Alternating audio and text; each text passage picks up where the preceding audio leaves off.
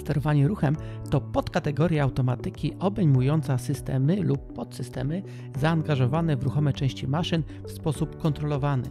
Systemy sterowania ruchem są szeroko stosowane w różnych dziedzinach do celów automatyzacji, zwłaszcza w przemyśle maszynowym oraz automotive. Tak Motion Control opisane zostało na Wikipedii.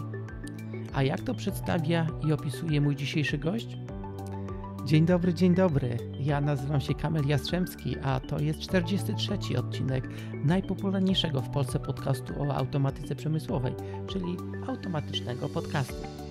Seria ta jest dedykowana dla wszystkich zainteresowanych tą branżą. Dzielę się swoją wiedzą i doświadczeniem, abyś mógł lub mogła uniknąć nie tylko moich błędów, ale i tych popełnianych przez moich klientów lub zleceniodawców. Prowadzę firmę JK Automation, w której świadczymy usługi integracji systemów sterowania oraz diagnostyki i naprawy sieci Profibus i Profinet. Automatyczny podcast to projekt darmowy, który sprawia mi radość, zwłaszcza wtedy, gdy otrzymuję wiadomości z podziękowaniami. Jednak w życiu, poza przyjemnościami, są także rachunki, które trzeba opłacić, dlatego pracuję i nie zawsze są możliwości przygotować odcinek na czas.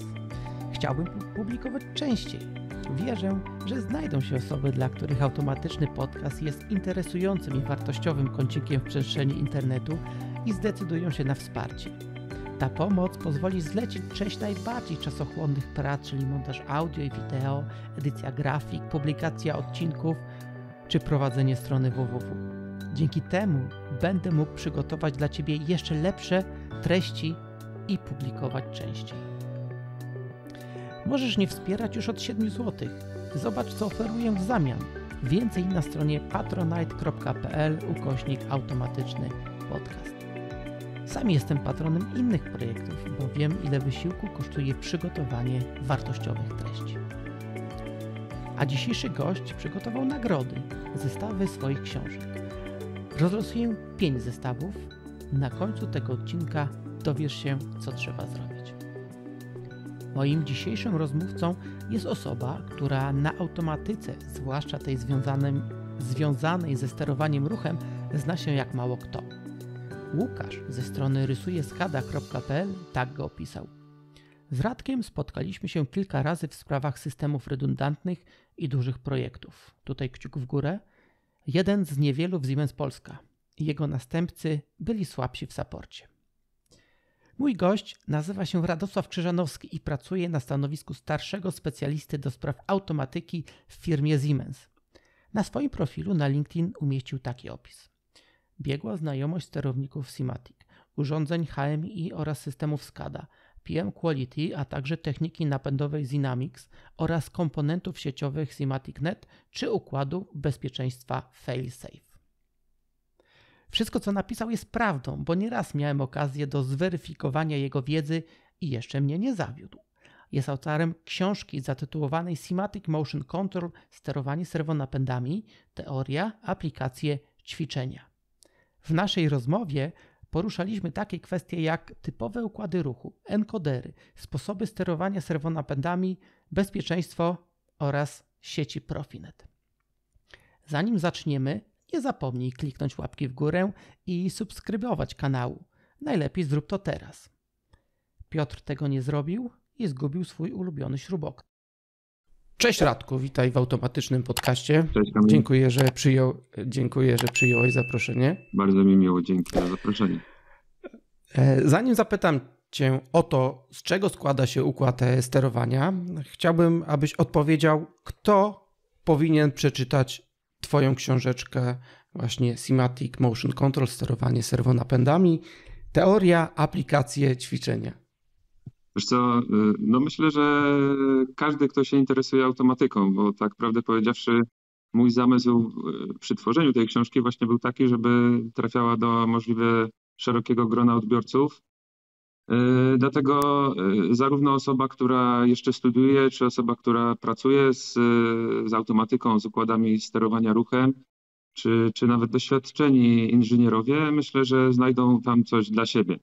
Tak jak powiedziałeś, jest to teoria, y, aplikacje i ćwiczenia, więc zarówno te podstawowe zagadnienia, które wprowadzą czytelnika w tajniki sterowania ruchem, takiego nowoczesnego bym powiedział, tutaj znajdziemy, a poza tym bardzo dużo różnego rodzaju ćwiczeń, które pozwolą wręcz zasymulować, czy, czy wręcz stworzyć jakiś taki układ sterowania ruchem bardziej programowy, bym powiedział, no ale tym meritum, na którym najbardziej mi tutaj zależało, no to, było, to była ta część związana e, z aplikacjami, czyli e, zależało mi na tym, żeby opisać możliwie dużo e, rzeczywistych przykładów aplikacji związanych ze sterowaniem ruchem.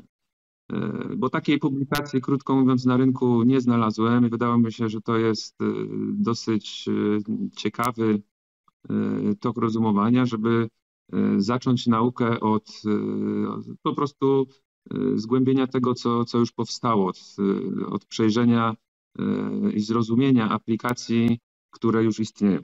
Dlatego no, tą najbardziej wartościową częścią książki jest zdecydowanie ten rozdział środkowy, gdzie opisuję rzeczywiste przykłady aplikacji, gdzie rozmawiałem z konkretnymi ludźmi, z konkretnymi firmami, które zechciały się też swoim know-how, swoją wiedzą i jakimiś tam doświadczeniami, problemami, ewentualnie uwagami podzielić. I za to na pewno dla nich największe podziękowania, bo gdyby nie oni, to, to moim zdaniem ta książka by była taka bardzo sucha, statyczna i teoretyczna. A chodziło mi właśnie o to, żeby ona była taka soczysta w, w konkretne przykłady aplikacji, bogata w taką wiedzę uruchomieniową i praktyczną. Dlatego, tak jak powiedziałem na początku, zarówno osoba, która jeszcze nie ma doświadczenia, jak i osoby, które pracują z, z układami sterowania ruchem, e, są w stanie dowiedzieć się czegoś nowego, czy po prostu poznać, w jaki sposób e, takie aplikacje się realizuje, jakie problemy e, napotykają inżynierowie i tak dalej. Mhm. To jest bardzo fajne, jakie problemy, jakie, jak je rozwiązać.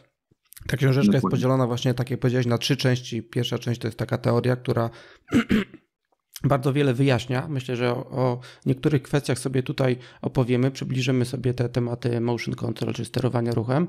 E, później tak jak powiedziałem, w środku są te przykłady. Jeden z przykładów sobie weźmiemy na tapetę, tak króciutko omówimy, myślę, że będzie dosyć ciekawy. Okay. No i końcówka rzeczywiście to są e, takie ćwiczenia, które każdy może sobie sam mm, u siebie na własnym komputerze e, zrealizować. Natomiast nie zgodzę się z tym, że, e, że ta książka bez tego środkowego rozdziału nie byłaby nic warta, bo jesteś bardzo skromnym człowiekiem i, i, i, i tutaj trzeba, trzeba, trzeba ci pomagać się, się reklamować. Ale słuchaj, zanim, zanim przejdziemy do tego, co to jest motion control, to e, chciałbym się zapytać, skąd się wziął znaczy, to już powiedziałeś, skąd się wziął pomysł, ale mm, powiedz mi, ile pracy i nakładu kosztowało cię napisanie takiej książki?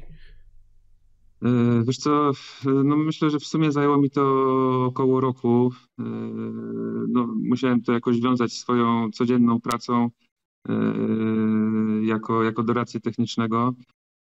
Także no, chwilę to trwało, aczkolwiek jak pewnie pamiętasz, już jedną książkę wcześniej popełniłem, więc myślę, że to była dobra szkoła i dobra podstawa do, do stworzenia kolejnej.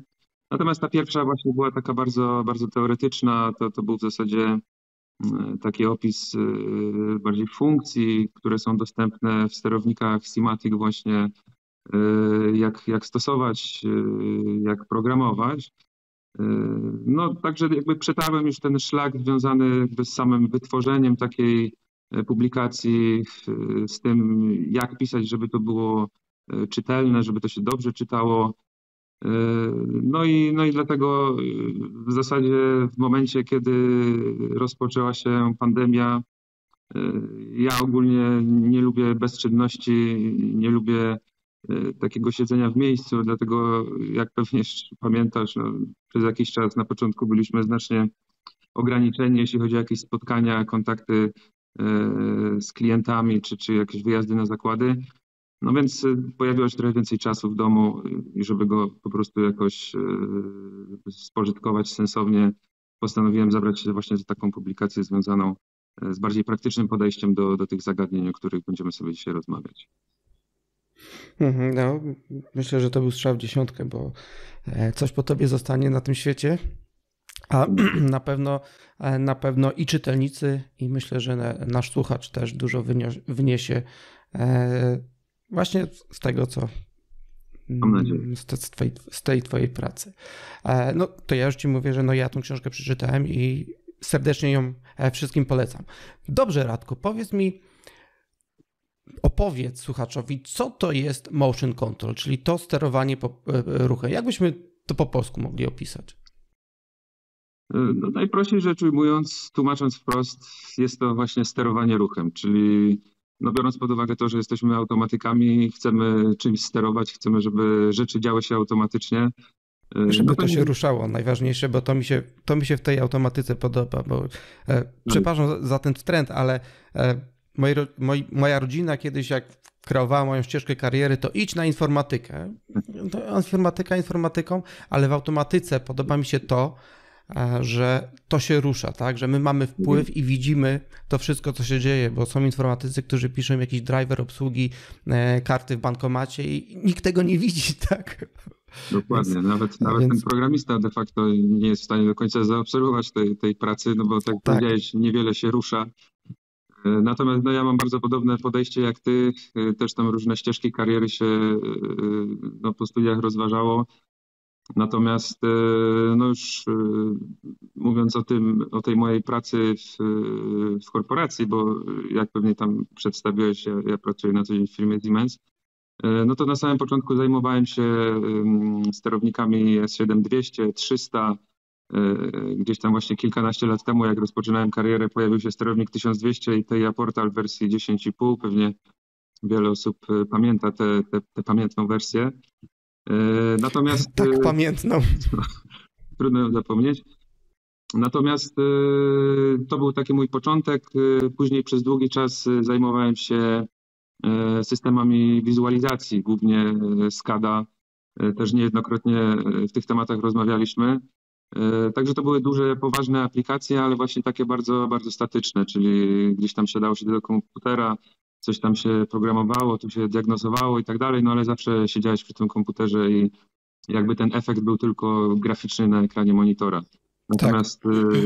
no, kilka lat temu przerzuciłem się za namową e, mojego przełożonego właśnie na te układy motion control i de facto no, zostałem mianowany do, do takiej osoby Y, promotora, która wprowadza nowy produkt na rynek, bo wtedy właśnie pojawił się sterownik S7500T, czyli taki dedykowany do y, sterowania y, właśnie motion i do bardziej zaawansowanych funkcji sterowania ruchem.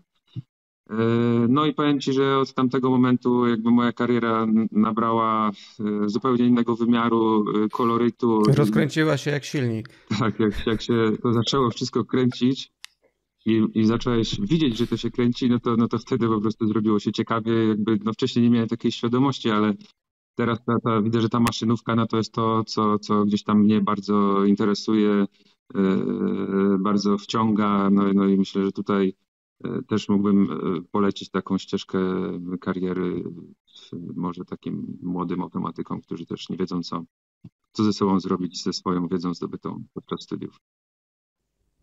Jasne. Dobra, skoro już wiemy, co to jest mniej więcej e, motion control, to... No właśnie, bo przepraszam Kamil, w zasadzie nie dokończyłem tej, tej wypowiedzi, bo takie długie kończenie.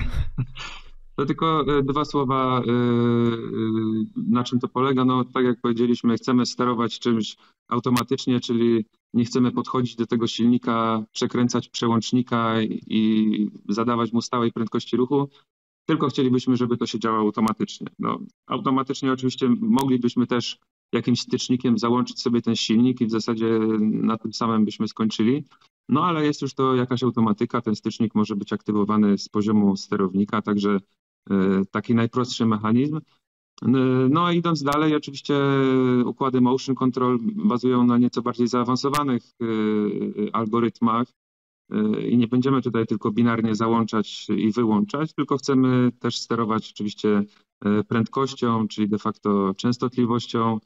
E, także no, no wchodzą tutaj bardziej zaawansowane kontrolery ruchu, e, no, no począwszy nawet od jakichś prostych układów łagodnego rozruchu, przez jakieś dedykowane kontrolery, na przykład dla wiem, silników krokowych, No a kończąc na najbardziej popularnym falowniku, przekształtniku częstotliwości, który no myślę obecnie jest najbardziej popularny, daje największe możliwości, jeśli chodzi o zarządzanie właśnie ruchem osi napędowej, czy to będzie oś obrotowa, czy, czy liniowa.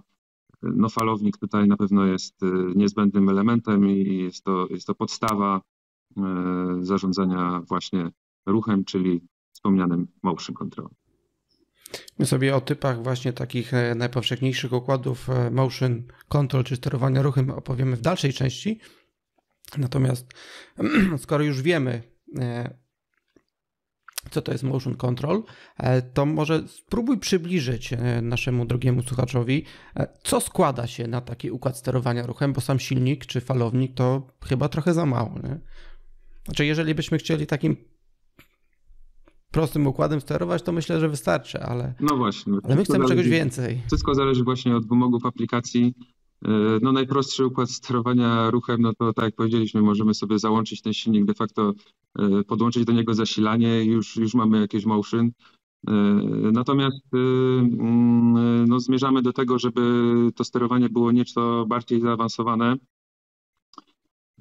Także potrzeba troszkę więcej komponentów. No jeśli byśmy chcieli sterować tylko i wyłącznie napędem jakiegoś elementu, e, który chcemy utrzymać, nie wiem, stałą prędkość, nie wiem, jakiś system transportowy, przenośnik i tak dalej, no to w zasadzie pompa, nam, wentylator. Wystarczy nam silnik, e, jakiś element aktywujący, ewentualnie falownik do regulacji prędkości, tudzież odczytu jakichś parametrów aktualnych, na przykład obciążenia prądowego, żebyśmy wiedzieli cokolwiek, co się dzieje E, z tym naszym układem napędowym. E, natomiast e, no idąc dalej, te, te, nasze motion control, o którym rozmawiamy i które w zasadzie jest tej meritum tej publikacji, o której wspomniałeś, to jest jednak sterowanie układami serwonapędowymi, czyli tam, gdzie poza samym wydawaniem poleceń chcemy też zweryfikować, czy dane polecenie zostało poprawnie wykonane. No i żeby to zamknąć w taką właśnie pętlę e, sprzężenia zwrotnego, no to potrzebny nam jest ten falownik, silnik, no i jakiś układ pomiarowy, który po prostu zmierzy, czy, czy, czy dana e, pozycja została osiągnięta, czy, czy dana droga została pokonana, e, czy dana siła została osiągnięta i tak dalej. Także no, dochodzi nam tutaj układ pomiarowy, którego typ no, też może być różny w zależności od tego, jakie są wymagania aplikacji, jaka jest wymagana dokładność, jakie są warunki otoczenia, także też byśmy mogli tutaj wiele elementów przytoczyć. No ale myślę, tym podstawowym, najczęściej stosowanym jest, y, jest encoder. No właśnie, w końcu dobrnęliśmy do, do encodera e, i, i chciałbym o encoderze mm, chwilę porozmawiać, bo sam przypominam sobie taką sytuację, z którą, e, w której chyba też na pewno do ciebie dzwoniłem, zasięgnąć radę eksperta. E, a mianowicie sytuacja wyglądała w ten sposób, że pod koniec ubiegłego roku uczestniczyłem w projekcie um, uruchomienia takich taśmociągów. To był układ um, układ odbioru e, złomu z pras w, mhm. w, w, branży, w branży automotyw i tam zestaw, zespół taśmociągów odbierał spod pras te elementy, które zostały odrzucone po wyprasowaniu tego docelowego detalu. One taśmociągami z, z, dwóch, z trzech pras szły i był wybór kilku kontenerów. Tam na jednym z, jeden z napędów służył jako taka obrotnica, która w zależności od wybranego kontenera kierowała mhm te odpady do odpowiedniego miejsca. No i na tym napędzie, na tej obrotnicy był mm, umieszczony encoder. I no tutaj, tutaj zleceniodawca chciał ten encoder wykorzystać. E, I ja pamiętam, że ja pracowałem wtedy, uruchamiałem to zdalnie. E, kolega elektryk był na miejscu i on to podłączył. No niestety, e, niestety a, wróćmy, wróćmy jeszcze. Problem był taki, że to był encoder inkrementalny, czyli wysyła impulsy i te impulsy musielibyśmy zliczać. A żeby to zliczać, potrzebujemy szybkie liczniki. I tam był sterownik ET200 CPU. E, wiem, że Siemens ma takie dedykowane moduły. Tak. Mm, I natomiast ostatnio problem jest taki z dostępnością części. więc tutaj na ten, na ten moduł musielibyśmy długo, długo czekać, więc wymyśliłem sobie, że wykorzystam S7200, który ma, który jest wyposażony defaultowo w kilka szybkich liczników mhm. Mm, i wykorzystamy to po Profinecie jako Profinet device. Tam ta, ta obrotnica bardzo wolno chodziła, przemieszczała się, więc nie było tutaj problemów z, z jakimiś opóźnieniami. Mm, no i elektryk podłączył to, natomiast ja widzę, że nie dostaje żadnych impulsów. E, no i tak jedna instrukcja, druga instrukcja, w końcu wysłał mi e, tabliczkę znamionową, e, a tam napisane było sign encoder. I się okazało, że no my tak tego łatwo nie, mhm. nie podłączyły.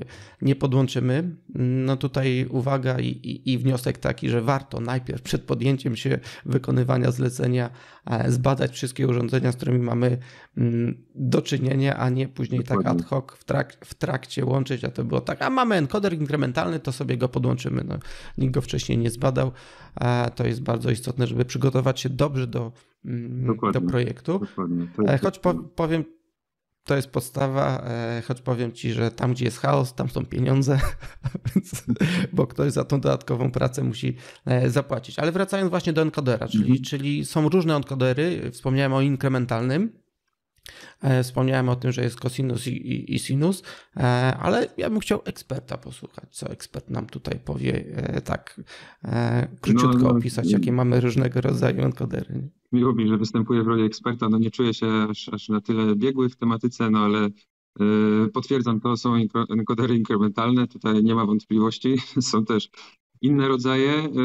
No i tutaj też, jeśli chodzi ogólnie o układy pomiarowe, no to tak jak wspomniałem wcześniej, dużo zależy od tego, jakie mamy możliwości i jakie wymagania aplikacji. Bo tak jak powiedziałeś, encoder inkrementalny, jakieś szybkie wejścia są potrzebne. W przypadku modułu. Ale jak działa taki inkrementalny? Bo inkrementowanie to jest zwiększanie, tak? Tak jest. No, no, mamy wałek, który się obraca, nie? Tak, no, no generalnie mamy, mamy wałeczek, na którym doczepiona jest tarczka encodera. E, w przypadku encodera inkrementalnego ta tarczka po prostu ma, po prostu ma e, no, e, ilość tam wypustek na, na jeden obrót. No i krótko mówiąc, encoder taki bazowy, inkrementalny nie robi nic więcej, jak po prostu w jakiś tam sposób, czy to optycznie, czy magnetycznie, czy pojemnościowo, zlicza liczbę tych wypustek w momencie, kiedy wałek się obraca. Także to jest, no myślę, taki podstawowy mechanizm encoder inkrementalny optyczny, myślę, najczęściej stosowany ze względu na relatywnie dobrą odporność na, na warunki pracy, a także myślę na, na swoją cenę. No ale tak jak powiedziałem. Mo mogę, mogę uzupełnić, bo powiedzmy, że mamy taki inkrementalny, czyli on powiedzmy, że zlicza od 0 do 4096 e, impulsów na obrót, tak? Jeżeli go prze przekręcimy dalej, no to zaczyna zliczać od początku, tak? Więc e, nie jesteśmy pewni co do pozycji, tak? Więc tutaj musimy sobie e, tak jest, tak jest. E, do tego. obsłużyć. Dobra. Przepraszam. Nie ma problemu. Y, jeśli chodzi właśnie o, o samą już pracę takiego układu pomiarowego, to jeszcze tylko wrócę na chwilkę do, do, do typów, bo tak jak powiedziałeś, jest jeszcze ten chociażby sinus, cosinus, gdzie de facto nie dostajemy impulsów, tylko sygnał analogowy, więc tutaj nie dostajemy jakiegoś tam szeregu sygnałów, powiedzmy 24V, takie są najbardziej popularne, tylko dostajemy sinusoidę, na podstawie której określamy właśnie pozycję położenia wałka enkodera. Natomiast no, są jeszcze inne typy encoderów. Spotkałem się osobiście chociażby z encoderem linkowym, gdzie, gdzie po prostu była wykrywana pozycja linki w układzie windowym. Dosyć często stosowane są dalmierze, na przykład laserowe, E, które stosowane są w przypadku aplikacji, gdzie może nastąpić e, uślizg osi, do której mógłby być doczepiony tradycyjny encoder, e, aby, aby na przykład na suwnicach, tak, tak często się zdarza, aby ten uślizg również został w odpowiedni sposób zinterpretowany przez układ pomiarowy, no to dobrze mieć jakiś układ pomiarowy, który będzie niezależny od de facto położenia fizycznej osi. E, no, zdarzyło mi się e, spotkać takie aplikacje, gdzie była również taśma magnetyczna, czyli taki też encoder w zasadzie działał na zasadzie sinus-cosinus, natomiast była to fizycznie taśma po prostu przyklejona do, do elementu stałego, po której jeździł sobie czujnik magnetyczny i też odczytując pozycję w formie sygnału analogowego, tak jak encoder sinus-cosinus bądź resolver, E, e, odczytywał właśnie tę wartość e, w, w postaci odpowiedniego napięcia. No i jeszcze tylko uzupełnię to, co powiedziałeś, jeśli taki układ pomiarowy, który gdzieś tam napotkamy na swojej drodze, chcemy wpiąć w system sterowania, no to musimy się właśnie zastanowić, czy dany układ po prostu obsłuży taki, a nie inny sygnał, no bo tutaj w, w sterownikach Simatic akurat Y, resolver, czy, czy tam sygnał taki sinus, cosinus, no, no nie jest obsługiwany. No nie ma takich modułów dedykowanych, więc y, możemy tutaj bazować tylko na encoderach inkrementalnych, y, czy tam absolutnych z jakimś protokołem komunikacyjnym. No oczywiście Profinet standardowo. Te najbardziej popularne i standardowe opcje tutaj są jak najbardziej wspierane, natomiast no, takie bardziej niszowe, to, to raczej już byśmy musieli po stronie układu napędowego. Tutaj jeśli chodzi o układy z Synamics 120, no to tam jest szereg różnego rodzaju e, kart opcjonalnych, które w zasadzie obsługują większość tych dostępnych na rynku rozwiązań. Także to jeśli chodzi o takie standardy samego pomiaru.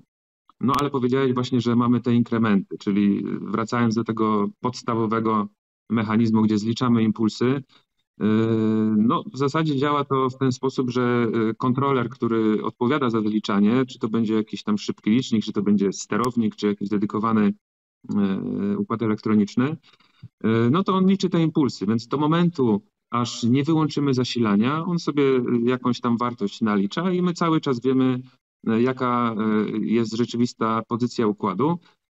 Niezależnie od tego, czy, czy tam wykonamy jeden obrót, czy, czy tysiąc obrotów, no ileś tych impulsów tam naliczymy, jakaś tam pojemność tych długich, zmiennych 64-bitowych jest. Natomiast... Uśmiecham się, bo, bo już, już wiem, do czego dążysz, a chciałem o to zapytać. Także... Okej. Okay. No, no widzę, że świetnie się rozumiemy, także może ja będę po prostu mówił. E, no, ale e, oczywiście zdarzają się te sytuacje, gdzie e, chcemy wiedzieć, na jakiej pozycji znajduje się nasz układ mechaniczny, no ale był zanik zasilania bądź zanik komunikacji, y, czy chociażby przepełnienie tej zmiennej, właśnie to, co wspomniałeś. Y, no i wtedy trzeba mieć jakieś bardziej zaawansowane rozwiązanie, jeśli chodzi o sam układ pomiarowy. Musi on być po prostu bardziej inteligentny, tak sobie powiedzmy, czyli musi pamiętać pozycję, bądź też musi ją wykrywać, nawet jeśli nie jest zasilony. No i tutaj pojawiają się właśnie encodery absolutne. Y, encoder absolutny w zasadzie y, tak konstrukcyjnie no jakoś tam wiele się nie różni, jest bardziej rozbudowany. Natomiast patrząc znowu na ten encoder inkrementalny, gdzie mamy tę jedną tarczkę, ileś tam tych wypustek na, na cały obrót, to tutaj w, w, takim najprostszym układzie mechanicznym i w zasadzie najczęściej spotykanym mamy po prostu szereg przekładni i większą liczbę tych, tych tarczek, gdzie możemy zapamiętać po prostu y, aktualną pozycję w zakresie iluś tam obrotów. W zależności od tego, ile tych tarczy tam mamy, ile tych pozycji jesteśmy w stanie y, zapamiętać. Więc w momencie, kiedy wyłączymy zasilanie takiego układu, przekręcimy oś, no to jeśli mamy tam encoder absolutny wieloobrotowy, na przykład 1024 obroty, e, no to nie pokonując więcej niż 1024 obroty, po ponownym załączeniu e, zasilania bądź przywróceniu komunikacji, system będzie wiedział, na jakiej znajduje się pozycji. Są też encodery absolutne jednoobrotowe, to jak się pewnie domyślasz, pamiętają pozycję tylko i wyłącznie w zakresie jednego obrotu, no ale to znowu zależy od tego, Y, jakie są wymagania aplikacji. Niektóre aplikacje nie przemieszczają się y, więcej niż o jeden obrót, więc, więc być może ten encoder będzie wystarczający, a na pewno tańszy. Także takim najczęściej spotykanym z mojego punktu widzenia rozwiązaniem jest właśnie taki mechaniczny encoder y, absolutny. Natomiast spotkałem się też z innymi rozwiązaniami, na przykład takimi, które mają wewnętrzną elektronikę zasilaną po prostu bateryjnie, E, bądź zasilanie podtrzymywane kondensatorowo. co na jakiś czas też pozwala te, te ruchy na niezasilonym układzie zapamiętać, przetworzyć i przy powrocie do normalnej pracy po prostu wczytać do, do układu sterowania.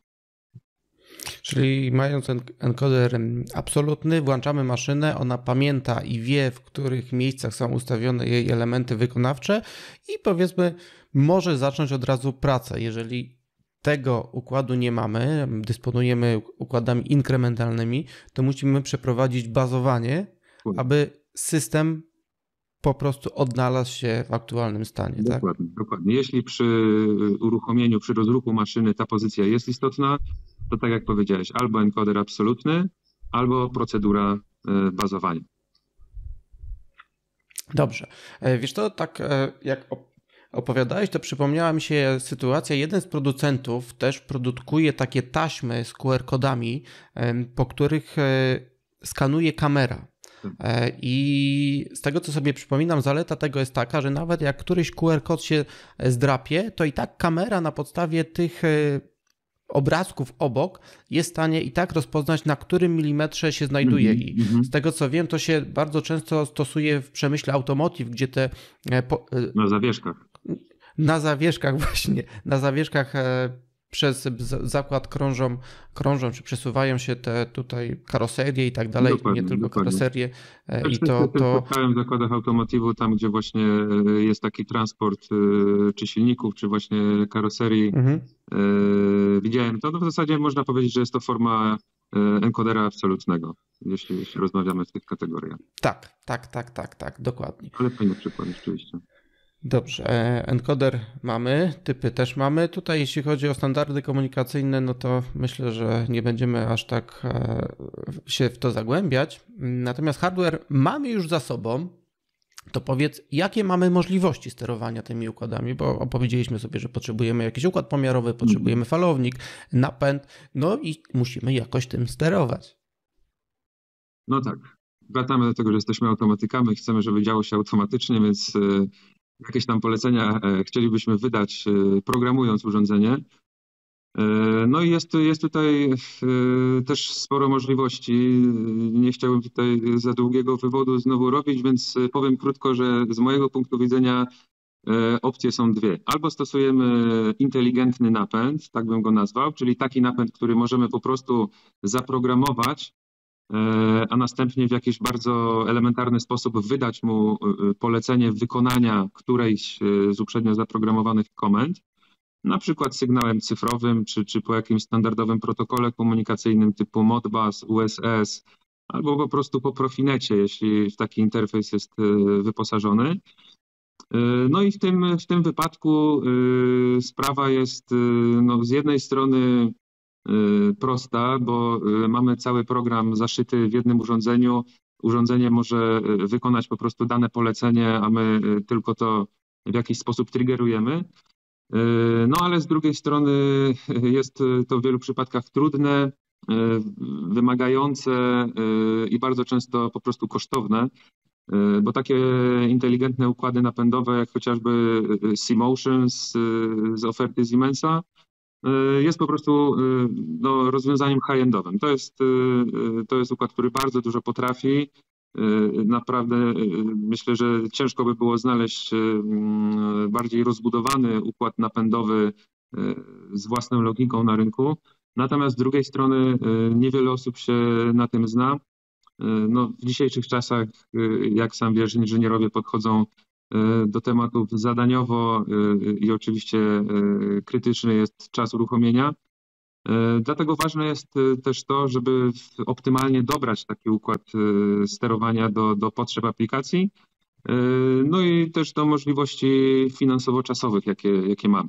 Dlatego pojawia się ta druga opcja, która mówi o tym, że napęd jest prostą końcówką mocy, de facto narzędziem wykonującym jakieś polecenia, a te polecenia y, cyklicznie otrzymuje z nadrzędnego układu sterowania.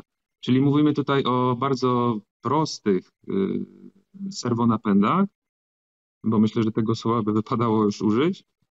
Natomiast jakby całą logikę sterowania przenosimy przez sieć komunikacyjną, no najczęściej będzie ten Profinet.io, tym naszym protokołem, przenosimy do, do sterownika PLC. I w sterowniku PLC dzieje się ta cała magia. Tutaj tworzymy program. Natomiast serwonapęd odbiera po prostu cyklicznie komendy, które wydaje mu E, sterownik, a w jaki sposób e, się to programuje, no to też już jest jakby kolejny etap, myślę, e, inżynieringu i pewnie naszej rozmowy. Mhm. To tak e, podsumowując, ja sobie to widzę w ten sposób, że te zaawansowane kontrolery ruchu, na przykład na bazie, na przykładzie, który wspomniałeś, ten C-Motion, E, to widzę to w ten sposób, że po pierwsze tam e, trzeba posiadać jakieś zaawansowane umiejętności e, techniczne. To nie jest takie hop żeby to, to tak sobie, nie wiem, przeczytać albo obejrzeć, obejrzeć tutorial na YouTube i po pięciu minutach człowiek już wie. To jest jedna rzecz. Druga rzecz, jeżeli przenosimy to sterowanie do dedykowanego sterownika, tutaj jak wspomniałeś, będą to te sterowniki z tą literką T, czyli te sterowniki technologiczne, które Powiedzmy tak, tak, bo można też tych mniej zaawansowanych użyć, ale e, wtedy mamy okrojone możliwości. Jeżeli porównujemy powiedzmy C-Motion, no to musimy wziąć, zdaje się, ten sterownik z literką T. E, to tak sobie myślę, że jeżeli człowiek już jest na jakimś poziomie programowania sterowników, myślę, że dużo łatwiej mu wtedy taki układ ruchu zaprogramować w sterowniku, niż uczyć się całego środowiska, bo do tego są, zdaje się, dedykowane środowiska, jakieś zupełnie, zupełnie, może nie zupełnie, ale troszeczkę inna technologia e, i troszeczkę inne myślenie. To jest jedna rzecz. A druga rzecz, tak sobie myślę, że jeżeli zepsuje nam się taki sterownik technologiczny, to my musimy go całego wymienić. Układ napędowy zostaje. A, a, e, a jeżeli mamy to w sterowniku, to chyba jest dużo łatwiej, wydaje mi się, bo, bo to taką przewagę tak. widzę, że, że to, to, jest, to jest sterowniku. Nie? No dokładnie, I, dokładnie tak jak Nie no. wymieniamy, jeżeli wymienimy napęd, no to, to i tak to wszystko zostaje w sterowniku. Pod, podłączamy napęd tak i ja to rozumiem w ten sposób, że on się tam e, skonfigurujemy go, ale te wszystkie instrukcje są przesyłane Dokładnie z tej jednostki, tak, która dostaje. Tak jest, Kamil. I y, jeszcze wracając do tej kwestii inżynieringu, y, no myślę, że wszystko jest do opanowania, ale no, no kwestia jakiegoś tam Y, czasu versus, versus intratność takiego działania, no myślę, że jest też do rozważenia. Y, no ogólnie myślę, że bardzo trafnie to ująłeś, y, bo Motion z mojego punktu widzenia jest, jest inny niż wszystko w zasadzie. Całkowicie inaczej na tyle, na ile ja tam się zetknąłem z, z tymi układami, no to jest inne niż standardowe sterowanie w tym naszym Simatiku. E, natomiast dokładnie tak, tak jak powiedziałeś, no jeśli uszkodzi się e, z jakichś tam przyczyn mechanicznych, chociażby taki układ napędowy, no to musimy go wymienić i zaprogramować. E, jeśli zaprogramować, no to musimy mieć projekt. Jeśli mamy projekt, to być może nie będzie to duży problem, chociaż zmiany wersji firmware'ów i tak dalej, to, to i tak jakaś migracja zazwyczaj wchodzi w grę. Natomiast jeśli nie mamy projektu, no to no, jest kłopot. A jeśli mamy całe sterowanie w jednym miejscu, czyli y, no to, co tutaj w zasadzie Siemens od lat promuje, czyli y, ta taka scentralizowana y, automatyka w, w jednym punkcie w sercu układu, czyli właśnie w sterowniku, no to mamy tutaj zarówno standardowy program, mamy tutaj układ bezpieczeństwa, jeśli będzie to sterownik safety, no i mamy motion control, jeśli będziemy chcieli właśnie te logikę sterowania ruchem przenieść do sterownika, ale zdecydowanie e, zgadzam się z tym, co powiedziałeś. Jeśli w takim układzie nam się e, zepsuje urządzenie wykonawcze, czyli e, właśnie chociażby przetwornica częstotliwości, wymieniamy na nową. Jeśli jesteśmy w Profinecie IO, to w zasadzie przypisujemy adres IP, nazwę urządzenia w Profinecie, no a cała logika jest w sterowniku. Ewentualnie możemy się zastanowić jeszcze nad e, parametrami, e, optymalizacji samego serwonapędu, ale to też de facto w, w dobie tej portalu i tej całkowitej integracji wszystkich urządzeń, też te parametry mamy zapisane w jednym projekcie, w jednym miejscu, więc w takiej sytuacji krytycznej naprawdę jest to bardzo duże ułatwienie.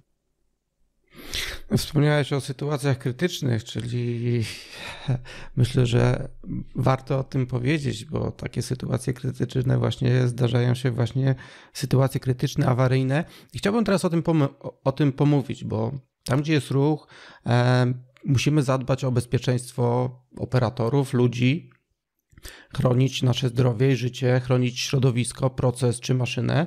Mm, powiedz, jakie mamy scenariusze na takie awaryjne sytuacje, jeśli chodzi o układy napędowe? Co się może wydarzyć? Jak, jak tutaj? No rozumiem, że nawiązujesz do, do tego safety, o którym wspomniałem, do, do bezpieczeństwa urządzeń, ludzi i środowiska. Jest kilka kwestii, bo po pierwsze chciałbym mm, porozmawiać na temat, co się może z napędem stać. Ok, możemy wcisnąć grzyb, ten przysłowiowy przycisk e-stop mm -hmm. i, i co się może wtedy wydarzyć? E, I druga kwestia, myślę, że, że, że za chwilę o tym pomówimy, jak możemy tym bezpieczeństwem zarządzać? Yy, no cóż, wydarzyć może się bardzo wiele. No, yy, tak jak powiedziałeś, z jednej strony, yy, czy zgodziliśmy się tutaj nawet, że właśnie ten ruch jest, jest bardzo fajny, bo widać, że coś się dzieje, ale z drugiej strony generuje też jakieś niebezpieczeństwo. Także no, w, w każdej aplikacji, gdzie coś się przemieszcza, a, a de facto nie jest bezpośrednio zarządzane przez człowieka, no nie jesteśmy w stanie zagwarantować stuprocentowego bezpieczeństwa. No bo zawsze jakaś piła, jakaś prasa, jakiś wózek y, może y, wyrządzić y, komuś jakąś krzywdę bądź uszkodzić mienie albo wpłynąć niekorzystnie na, na środowisko naturalne. No i tutaj pojawia się właśnie technika bezpieczeństwa, ogólnie rzecz ujmując, ale również układów napędowych, gdzie chcemy zadbać o to, żeby minimalizować takie ryzyko. No i w przypadku mm, układów motion y, są różnego rodzaju funkcje, czy, czy może podejścia do, do takiego zagadnienia. Y, no bo przede wszystkim możemy zabezpieczyć bezpieczne odłączenie zasilania od układu napędowego, prawda? Także w momencie mm, właśnie wciśnięcia tego grzyba, czy, czy tam przekroczenia jakiejś kurtyny, bądź w razie sytuacji awaryjnej nieprzewidzianej, wywołujemy funkcję, która bezpiecznie odcina y, zasilanie y, od silnika. I to jest funkcja, która powszechnie y, jest znana jako STO, czyli Safe Torque Off. No i mówi o tym właśnie bezpiecznym odłączeniu tego momentu. No i w przypadku takiego zatrzymania awaryjnego następuje hamowanie wybiegiem, więc e, no, odcinamy zasilanie, jaka tam jest bezwładność tego układu, no tyle jeszcze ta oś przejedzie. Więc... Czyli tak, e, dalej się będzie mimo wszystko kręcić, nie, nie nastąpi sytuacja, że tak. się zatrzyma w jakimś tam konkretnym punkcie, czy w tej sytuacji i w momencie, kiedy my wciśniemy ten Dokładnie tak. przycisk tak. lub inaczej, i, i, lub zadziała funkcja bezpieczeństwa. Dokładnie tak. Dlatego, no, jak sam widzisz, nie jest to rozwiązanie idealne, a na pewno nie dla każdej aplikacji. Dlatego w tych, w tych układach motion control no, no, zawsze trzeba rozważyć po prostu warunki otoczenia, jak działa aplikacja, jakie zagrożenie może się wydarzyć i tak dalej. E, no i w, w, przypadku w miarę nie wiem, bezpiecznych aplikacji, gdzie mamy oś napędową e, obciążoną, czy, czy, mm, czy jest jakaś przekładnia mechaniczna, gdzie w momencie odcięcia zasilania i tak układ się e, samo wyhamuje, no to możemy bazować tylko i wyłącznie na tej bardzo podstawowej funkcji, czyli właśnie na, na odcięciu momentu, na STO, mm, które zagwarantuje bezpieczeństwo. Natomiast y, no, w przypadku y, y, aplikacji, gdzie, gdzie ten ruch, tak jak powiedziałeś, to hamowanie wybiegiem może również stanowić jakieś zagrożenie, no to musielibyśmy się już zastanowić nad trochę bardziej zaawansowanymi funkcjami. No i tutaj pojawiają się też takie często stosowane funkcje E, safe stop e, typu pierwszego i drugiego, czyli SS1 i SS2. E, no i SS1 działa nieco inaczej, bo najpierw w kontrolowany sposób zatrzymuje oś napędową, czyli nie mamy tego hamowania wybiegiem, a dopiero później odcina zasilanie. Także w, w, przypadku, nie wiem, jakiejś piły na przykład, czy jakiegoś wózka transportującego, gdzie musimy najpierw doprowadzić układ do, do zatrzymania, E, a później już nieważne, no bo on stoi i sam nie ruszy, to wtedy SS1 będzie ok. E, daje nam to bezpieczeństwo. Natomiast idąc jeszcze krok dalej, możemy sobie wyobrazić aplikacje, gdzie działają też siły grawitacyjne, na przykład jakiś układ windowy, gdzie samo zatrzymanie tego elementu podnoszonego E, a później odcięcie e, e, zasilania, no również nie będzie dobrym rozwiązaniem, no bo nam to po prostu może spaść. Więc wtedy stosuje się właśnie tę najbardziej rozbudowaną funkcję SS2, gdzie zatrzymujemy i po zatrzymaniu utrzymujemy moment. I do tego dochodzą jeszcze ewentualnie funkcje bezpieczeństwa związane z ewentualnym zablokowaniem osi przez hamulec, czyli na przykład SBC, Safe Brake Control, E, gdzie e, wtedy mm, moment na osi nie musi być utrzymywany, no bo po prostu mamy bezpiecznie zatrzaśnięty hamulec. Tak sobie mm, słucham i kiwam głową, wszystko przez tego Newtona. Gdyby nie on, to, to przecież by nie spadało. Nie? Bez problemu, dokładnie. No, a jeszcze rozwijając, bo powiedziałem, jak tym sterować, no to też są właśnie różne opcje.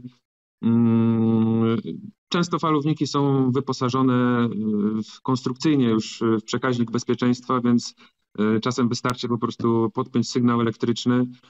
Jeśli tego nie ma, no to możemy zastosować w takim klasycznym podejściu do, do układu bezpieczeństwa przekaźnik bezpieczeństwa i stycznik bądź dwa styczniki.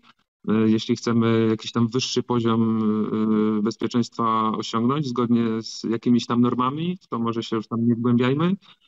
No a taką najbardziej, myślę, wygodną metodą, znowu wracając do tego, że, że tutaj jesteśmy programistami i chcemy wszystko robić w jednym miejscu w sterowniku, no to oczywiście Profinet i, i funkcje ProfiSafe, czyli funkcje bezpieczeństwa, które zintegrowane są bezpośrednio w falowniku, natomiast aktywowane po prostu przez no, bity w słowach sterujących e, telegramu ProfiSafe, czyli programowo programowo, ale do tego musimy mieć jednostkę, która obsługuje e, program safety. Dokładnie, musimy te, mieć te... sterownik e, klasy F, no i oczywiście e, falownik, który funkcję bezpieczeństwa również wspiera. To wszystko zależy od producenta, jakiegoś pozycjonowania produktu, od funkcji, które po prostu urządzenia posiadają. Mhm, tak, tak mi się przypomniała jedna historia, z której, mm, w której też do ciebie kontaktowałem się z, z, tobą. Jeden z moich klientów zakupił e, jednostkę 1200F, bo takie też są, mhm. czyli sterownik 1200. Natomiast on sobie wymyślił, że skoro to jest sterownik typu safety, to jego mm, wejścia na CPU też będą safety i wyjścia. E, I nie docierało do niego to, że nie są to wejścia dedykowane i umożliwiające obsługę safety, tak tego prosiłem Cię o taką podkładkę w mailu, że do tego musimy mieć dedykowane wejścia i wyjścia e, właśnie safety. Bo to... Dokładnie. No tutaj w przypadku sterownika 1200 e, ciężko mi się jakoś odnieść do tego, dlaczego te, te wejścia, wyjścia na pokładzie nie są bezpieczne, no ale, ale nie są. Więc trzeba, trzeba niestety dokupić e, dodatkowe moduły zewnętrzne, które dołączamy po prostu do sterownika z prawej strony. Ja myślę, że to jest związane z tym, że to jest sterownik taki bardzo budżetowy, tak? Jeżeli, jeżeli chcesz go wykorzystać e, w takich e, powiedzmy e, niedrogich aplikacjach i chcesz, żeby to było w miarę optymalne ekonomicznie, no to dostajesz taki sterownik. Jeżeli potrzebujesz safety, to wtedy dokupujesz i za to safety już płacisz, tak? Dokładnie, jednak... dokładnie. No, na pewno jest tutaj y, y, jakaś tam szczypta marketingu w tym, także wszystko jest przemyślane. Natomiast najważniejsza jest rzecz, że tutaj trzeba pamiętać, że te wejścia na pokładzie CPU 1200 e, no niekoniecznie, znaczy niekoniecznie, nie są po prostu dedykowane do obsługi sygnałów safety. To nie są, to mm. nie są wejścia, wyjścia safety. Dobrze. E, słuchaj, w aplikacjach z napędami bardzo często mamy do czynienia z różnego rodzaju krańcówkami. Mhm. E, można się spotkać z, pojęci z, pojęciami jak krańcówki drogowe, krańcówki software'owe mhm. i w swojej książce, właśnie z tego co dobrze e, pamiętam, to był case numer dwa razem z firmą Ascon.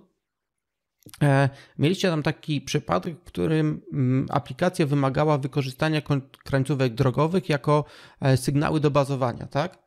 Zdaje się, coś tak, więcej, Mógłbyś coś więcej na ten temat powiedzieć? Jaki problem był z tym? Bo do, może inaczej, do czego najpierw służą krańcówki drogowe? Y, no, no rzeczywiście są dwa, dwa typy krańcówek. Tutaj w, w obszarze sterowań Simatic one są zwane albo software'owymi, albo hardware'owymi.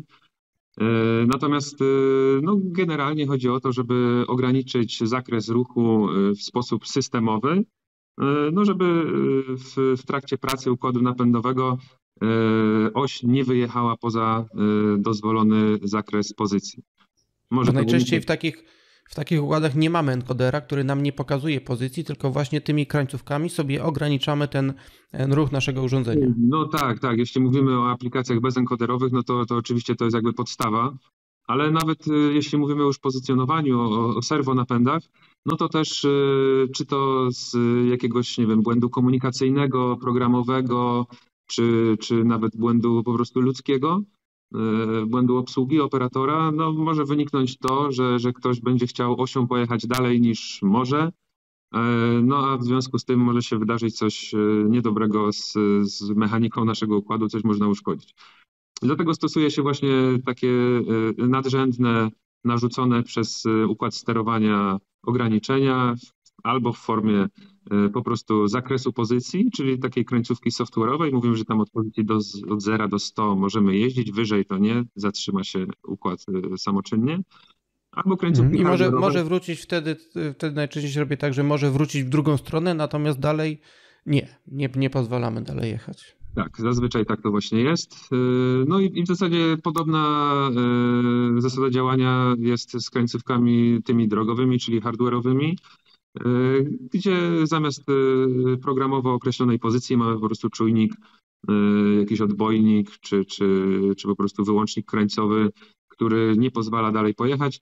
No i w razie, jeśli najedziemy na taką krańcówkę osią napędową, no to coś tam kontrolowanego powinno się wydarzyć. Czyli tak jak mówisz, albo układ powinien się na przykład cofnąć, albo po prostu się zatrzymać, zgłosić błąd, no grunt, żeby nie próbował przeforsować tej przeszkody, na którą natrafił.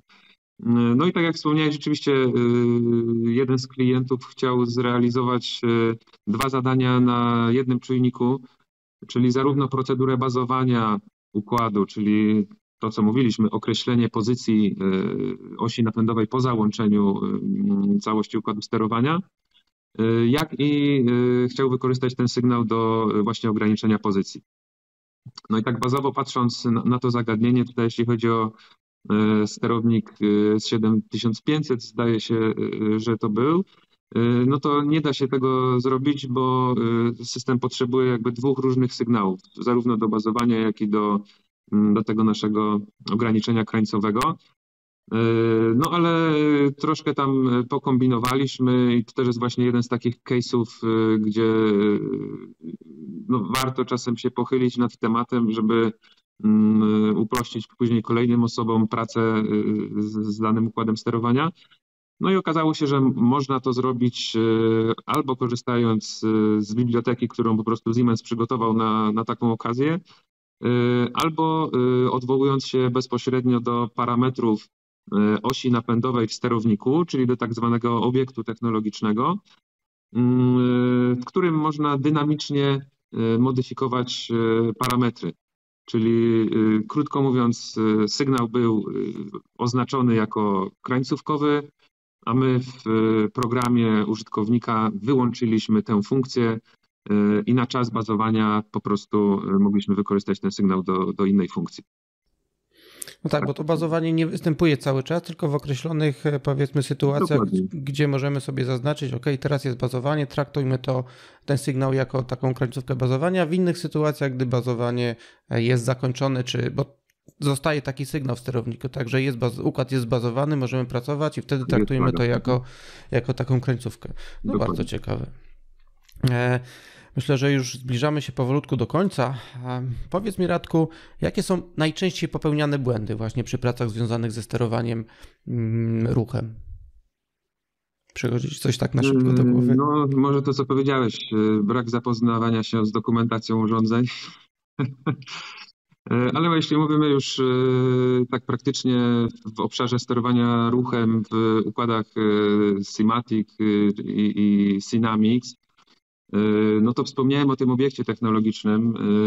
E, jest to bardzo fajny, taki wygodny e, i naprawdę bardzo prosty w oprogramowaniu obiekt programowy, który po prostu parametryzujemy w celu sterowania osią no, w bardzo w wielu przypadkach zaawansowany sposób. Natomiast jedną z takich powtarzających się kwestii, które no bardzo często stanowią problem z, z punktu widzenia tutaj doradcy technicznego, to jest parametryzacja właśnie enkodera w tej osi. No bo encoder, tak jak mówiliśmy, ma ileś tam tych impulsów na obrót, ma ileś tam obrotów, jeśli to jest encoder wieloobrotowy. No i pojawia się teraz taka kwestia, że każdy producent ma jakąś tam swoją metodologię działania i wysyłania tych impulsów. No i na przykład w przypadku encoderów Siemensa jest tak, że ponad to, że my dostajemy powiedzmy te dwa impulsy sąsiadujące ze sobą, to żeby zwiększyć dokładność tego układu pomiarowego, to jest też wykonywana taka ewaluacja tego sygnału sinus-cosinus. Czyli de facto pomiędzy tymi dwoma impulsami generowana jest też taka fala sinusoidalna o rozdzielczości tam na przykład 12-13 bitów. Więc y, no, wiele tysięcy razy więcej zwiększona jest dokładność y, tego układu. Ona jest w jakiejś tam formie estymowana, ale y, z punktu widzenia systemu nadrzędnego ta estymacja jest jednak bardzo precyzyjna. No i właśnie parametryzując encoder w osi technologicznej, trzeba wskazać liczby bitów odpowiadające za daną funkcję. Czyli liczba bitów, w której zaszyta jest e, właśnie liczba impulsów, liczba bitów, która odpowiada za estymację, liczba bitów, która odpowiada za wieloobrotowość ewentualnie tego enkodera. No i tutaj, e, jeśli konfigurujemy serwonapęd i źle to wprowadzimy, no to wyobraź sobie, że, e, że ta oś, wykonujemy jakiś ruch i oś spodziewa się iluś tam impulsów zwrotnie. I teraz jeśli wprowadzimy tam e, błędną wartość, no to powiedzmy na 1 centymetr e, oś technologiczna spodziewa się 100 impulsów. Jeśli wprowadzimy tam zbyt małą wartość, bo źle przekalkujemy, źle zinterpretujemy te, te bity, które dostarczane są przez, e, przez encoder, no to jeśli tych bitów przyjdzie za mało, no to oś napędowa mówi, o coś chyba za wolno jadę i zaczyna bardzo dynamicznie przyspieszać, bo się spodziewał powiedzmy tych 100 impulsów, a dostał dwa no to jedzie bardzo szybko. No i y, y, z takimi sytuacjami miałem właśnie y, doświadczenia, że ktoś się spodziewa, ok, zrobię testowy przejazd tam jednego milimetra i ta oś po prostu gdzieś tam bardzo daleko odjeżdża, w coś uderza, jest kłopot. Więc to samo może się wydarzyć w drugą stronę. Jeśli za dużo tych impulsów tam sparametryzujemy, a za mało dostaniemy, no to z kolei oś nam nie ruszy i też nie wiadomo, co się dzieje. Dlatego y, no to, to jest bardzo taki powtarzalny y, problem, czy, czy może y, no taka kwestia po prostu konfiguracyjna. Dlatego ja mam taki nawyk, że zanim wysteruję napęd z poziomu programu, staram się go wyłączyć, w sensie zdjąć moment obrotowy, samo zasilanie i przekręcić, jeśli jest taka możliwość, po prostu ręcznie wałkiem silnika. Jeśli widzę odczyt w sterowniku, właśnie w obiekcie technologicznym, który mniej więcej się zgadza z tym, czego, czego się spodziewam, czyli zrobię jeden obrót i widzę, że tam jest 10 mm albo chociażby te 360 stopni, no to wtedy jestem pewien, że na pewno dobrze mam e, skonfigurowany układ pomiarowy i, i nie będzie niespodzianek e, takich przy uruchomieniu. E, także to jest taki bardzo no, też niebezpieczny przypadek, bo można coś uszkodzić na samym początku. No nikt tego nie chce, Dlatego y, warto zapoznać się z dokumentacją, warto wykonać jakiś test, y, odsprzęglić układ mechaniczny y, i po prostu zweryfikować, czy na pewno mamy to dobrze sparametryzowane, bo tutaj też w zależności jakiego producenta mamy ten encoder chociażby, to też opis tej, tej dokładności pomiaru, tej ewentualnej estymacji i tak dalej może jakby bazować na innej nomenklaturze i nawet jeśli ktoś ma pewność, że te same liczby powinny się znaleźć w tych samych miejscach, to się może okazać, że to ktoś nazwał inaczej i, i może jednak to trzeba na odwrót wprowadzić. Czyli e, mówisz, mówisz, że dzwonią klienci i mówią, panie miał pojechać centymetr, pojechał za daleko, tak? Albo nie jedzie tak szybko, tak? Dokładnie tak, dokładnie tak. A zrobiłem wszystko zgodnie z manualem. Zdarzało mi się też uruchamiać taki napęd z klientem zdalnie właśnie w dobie COVID-a. No i też właśnie mówię tutaj te parametry trzeba powprowadzać. Mówię, ok, no to tutaj na pewno mam dobrze, wiesz, po czym ja mówię, no dobrze, to niech pan spróbuje uruchomić i wiesz, i nagle słyszę tylko i drz, uderzenie, nie? Ja mówię, chyba, coś, chyba coś nie tak. No i, no i faktycznie tam się coś uszkodziło wtedy. No ale, ale wiesz, no to jest właśnie to. Niestety nie jesteś przy tej maszynie, nie jesteś w stanie wszystkiego zweryfikować. No też y, ludzie są po drugiej stronie. Y, każdy ma tam jakąś y, drobną granicę błędu, więc no, no trzeba nad wszystkim czuwać i warto się dobrze zapoznać właśnie z, ze sprzętem, zanim się zacznie go uruchamiać.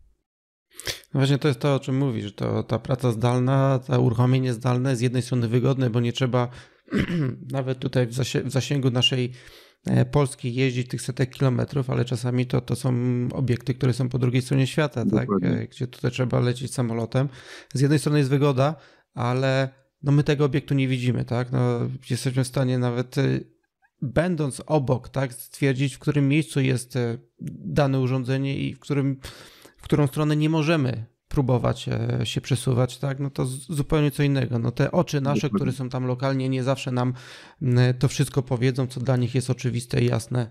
E, nie zawsze, nie zawsze jest tutaj ta tak, komunikacja. Nawet takie trywialne rzeczy, właśnie jak kierunek e, jazdy, czasem ktoś błędnie zaznaczy opcję kierunku enkodera i wiesz, niby ruch w prawo, a nagle się okazuje, że układ jedzie w lewo. Tak, tak, tak. Ja, ja, ja bardzo ostrożnie podchodzę do takiego y, pierwszego uruchomienia.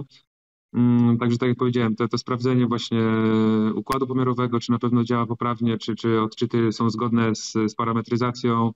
Y, bardzo często, jeśli mogę coś też zalecić, no to stosuję ograniczenie momentu.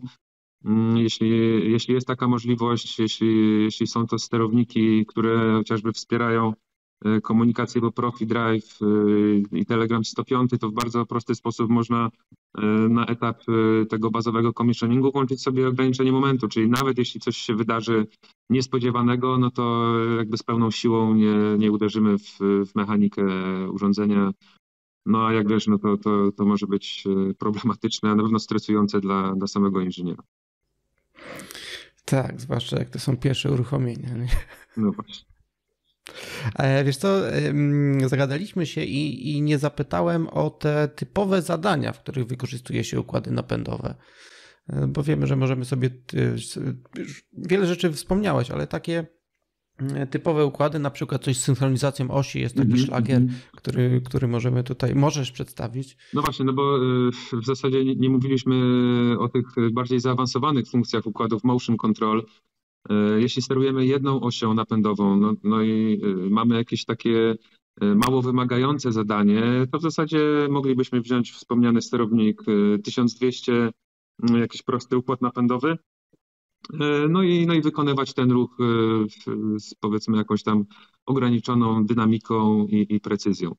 Ale generalnie, jeśli mówimy jednak o układach serwo, to, to zależy nam przede wszystkim na bardzo wysokiej dynamice właśnie dokładności, pozycjonowania y, i powtarzalności. To też jest bardzo ważne, bo, mm, bo no możemy wziąć y, sterownik niskiej klasy, który gdzieś tam parametry y, komunikacyjne ma na tyle wysokie, że rzeczywiście pozwoli nam wykonać dynamiczny i precyzyjny ruch, ale na przykład ten sterownik 1200 nie posiadający trybu izochronicznego, czyli tego typu Profinet IO i RT, nie pozwala Czyli na. Yy, naj, najszybszego, naj, najszybszego przekazywania i przesyłania danych, to jeszcze odpowiednio w czas, tak? Dokładnie. Tam dokładnie. To, to poniżej jednej milisekundy są czasy, nie? Dokładnie tak. I, w, no w układach serwo ważne jest to, że właśnie mamy ten, ten czas. Yy, no i ważne, żeby ta, ta aplikacja też pracowała właśnie w trybie czasu rzeczywistego, czyli żeby komunikacja napęd sterownik, czy napęd układ nadrzędny ogólnie odbywała się w stałych odstępach czasu. Jeśli tego nie będzie, no to powtarzalność ruchu e, może się wahać, e, co w aplikacjach wysokiej precyzji może być e, problematyczne. No ale to też jest kwestia aplikacyjna i, i ta dokładność sterowania, dokładność komunikacji będzie zależeć od doboru jednostki sterującej. Jeszcze a propos tych przykładów, które mówiłeś, czy problemów uruchomieniowych, to też teraz mi się przypomniał taki przypadek to była aplikacja do mm, cięcia przewodu elektrycznego. Ten przewód gdzieś tam wychodził z prowadnicy z dosyć dużą prędkością, bodajże kilkunastu metrów y, na sekundę. No i była tam taka aplikacja cięcia. To było takie cięcie w locie, czyli właśnie taki synchroniczny układ. Czyli bardzo precyzyjnie trzeba było się tą gilotyną czy, czy tam piłą dosynchronizować do tego poruszającego się przewodu, odciąć go, no i później piła wraca na, na pozycję wyjściową. To jest taka aplikacja standardowa właśnie, która się kryje pod hasłem piły latającej. Ale poza tym, że to jest taka powiedzmy mm, typu aplikacja dosyć charakterystyczna, to tutaj jeszcze pojawił się problem właśnie z dokładnością tego cięcia, mm, bo była tutaj dosyć wysoka dynamika, a dokładność cięcia była wymagana tam do jednego milimetra. No i na początku był tam jakiś sterownik jakiegoś producenta, no i generalnie aplikacja działała, ale jak przyszło. Nie do... będziesz robić antyreklamy, nie? Dokładnie. E, ale jak przyszło do testów wydajnościowych i jakościowych, to się okazało, że ten jeden milimetr nie został zachowany. I tutaj, e, no tutaj akurat była wymiana na, na jednostkę 1500 właśnie technologiczną, bo ona potrafi synchronizować osie, ale kluczowe tutaj było e, właśnie osiągnięcie bardzo wysokiej wydajności komunikacyjnej, która bezpośrednio przekładała się na właśnie dokładność cięcia. I z CPU tam za 500 euro trzeba było wrzucić CPU za 5000 euro, tylko dlatego, żeby właśnie była większa wydajność komunikacji, żeby był e, tryb IRT, no i żeby te cykle tam były na poziomie, e, tam było na poziomie poniżej jednej milisekundy, czyli taka aplikacja no już naprawdę rzadko spotykana, przynajmniej przeze mnie, mm, jeśli chodzi o, o, wymagania cykli. Yy, no ale tak, ale wracając jeszcze yy, do tych zastosowań, no to tak jak mówiliśmy, może być to proste sterowanie prędkością, może być to pozycjonowanie, jakieś prowadnicy, jakiegoś wózka, może być to jakiś stół obrotowy, gdzie chcemy się o określony kąt przemieścić. A mogą być to bardziej zaawansowane aplikacje właśnie, gdzie występuje synchronizm wielu osi.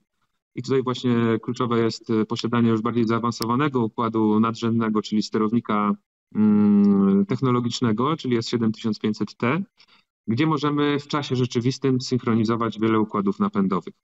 E, no i właśnie takie aplikacje w stylu e, piła latająca, czy właśnie jakiś tam e, nóż obrotowy, czy różnego rodzaju manipulatory, gdzie możemy sobie wyobrazić na przykład jakiś układ kartezjański trzyosiowy, gdzie chcemy interpolować ścieżkę mm, ruchu w trzech osiach. E, takie rzeczy są e, na pokładzie tego sterownika, to są gotowce bardzo proste, intuicyjne w zaprogramowaniu i uruchomieniu. E, no i co ważne, mm, scentralizowane, także prosta diagnostyka, prosty commissioning i w razie jakichś problemów bardzo proste reagowanie na potrzebę wymiany komponentu czy, czy zmiany programowe. Mhm. Ja spróbuję zwizualizować, bo ta latająca piła to jest coś takiego, że jeden element się przesuwa tak. i ta piła, która przecina ten element, ona się musi z tą samą prędkością przecinać, bo jeżeli piła by e, stała w miejscu, to byśmy dostali to pod kątem. Więc tutaj musimy Dokładnie. pamiętać o tym, że to, to mniej Dokładnie więcej tak. o to no, chodzi. Tak? Bo... Byłem u jednego e, z producentów e, takich blachodachówek, Y, no i tam y, y, po prostu kierownik produkcji powiedział, że u nich to wygląda tak, że ta blacha jedzie, zatrzymuje się, następuje odcięcie, no i dalej rusza, no nie? Ale to jest wolny proces w tym momencie. Dokładnie, a oni chcieli po prostu przyspieszyć. Prosta sprawa. No więc najprościej rzecz ujmując, trzeba było dorobić ruchomy mechanizm, który wykonywałby to cięcie bez zatrzymywania transportu materiału najprostsza metoda do, do optymalizacji produkcyjnej. Tak sobie przypominam mm, taką sytuację, gdzie pojechałem na audyt sieci Profibus, audyt i naprawę. E, to była gilotyna do blach. Blacha się przy, przesuwała i tam taki most jeździł razem z nią i uderzał w tą blachę. Mhm. E, I wyobraź sobie, że sytuacja była taka, że akurat na, na tym moście ktoś zainstalował repeater.